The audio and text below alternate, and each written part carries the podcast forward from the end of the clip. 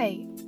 Was bardzo serdecznie w trzecim odcinku mojego podcastu. W programie Wege Oczami poruszam wiele tematów dotyczących świadomego stylu życia. W dzisiejszej audycji chciałabym spojrzeć na dietę wegańską z drugiej strony i powiedzieć Wam o jej wadach. Uważam, że warto dzielić się swoimi opiniami i spostrzeżeniami oraz spojrzeć czasem nieco krytycznym okiem na swoje decyzje. Myślę też, że jest to przydatny odcinek dla wszystkich osób, które zastanawiają się nad rezygnacją e, z produktów pochodzenia zwierzęcego. Oczywiście nie chcę nikogo do tego stylu życia zniechęcać, ale bardziej może uświadomić i pokazać też tą drugą stronę i zwrócić uwagę na te rzeczy, o których e, rzadko się w sumie mówi. Pamiętajcie też, że te rzeczy, które tutaj Wam przedstawię, to są minusy, które ja znalazłam. Wy możecie doświadczyć czegoś zupełnie innego, coś zupełnie innego może Wam przeszkadzać.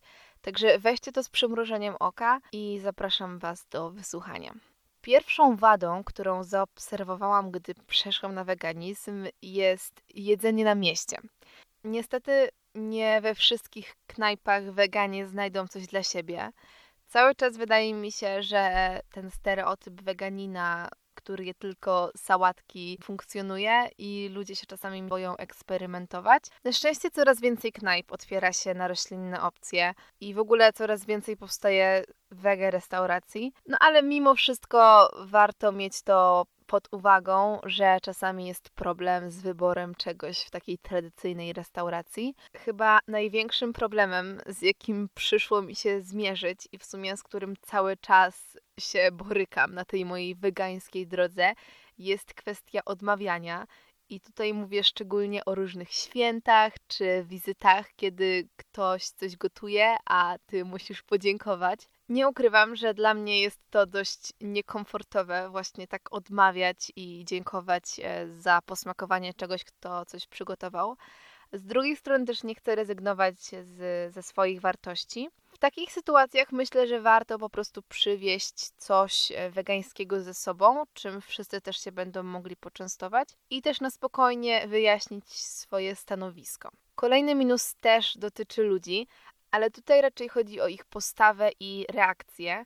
Niektórzy są nastawieni w bardzo taki przyjemny sposób i chętnie wysłuchają i poznają Twoją opinię i po prostu uszanują Twój wybór, ale są też takie osoby, dla których taki styl życia jest kompletnie nie z tego świata. Pomimo tego, że wegański styl życia staje się coraz bardziej popularny i tak dużo ludzi nie ma pojęcia o diecie roślinnej, i często te komentarze związane są po prostu ze stereotypami, jakie gdzieś tam się ukształtowały, ale czasem też są związane z niedowierzaniem, może z oburzeniem, ale mi się wydaje mimo wszystko, że najczęściej po prostu z niezrozumieniem. Kolejna sprawa, która dla jednych może być wadą, a dla innych zaletą, jest to, że po prostu trzeba dużo jeść.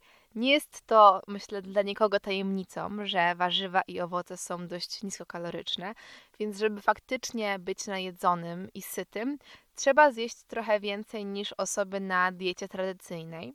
Ale oczywiście zapotrzebowanie kaloryczne każdego organizmu jest zupełnie inne i jest uzależnione od chociażby takich czynników jak wzrost, jak waga, tryb życia czy aktywność fizyczna ale to też z czasem się Wam wyklaruje i zaobserwujecie to, czy wolicie zjeść mniejszą ilość posiłków, ale te porcje po prostu będą większe, czy może wolicie jeść częściej, a mniejsze posiłki, mniejsze porcje.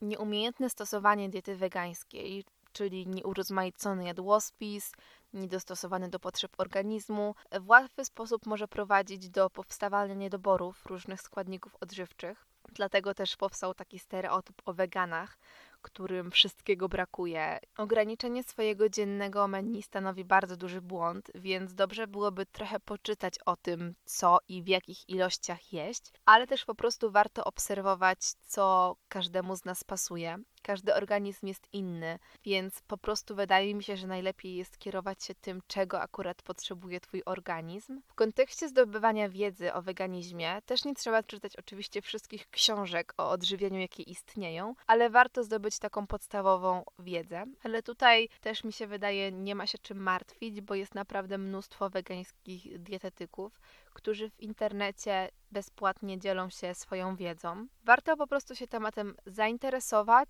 i dużo próbować, nie panikować, wszystko z rozumem i z rozsądkiem. To by było na tyle, jeżeli chodzi o wady, które znalazłam w weganizmie.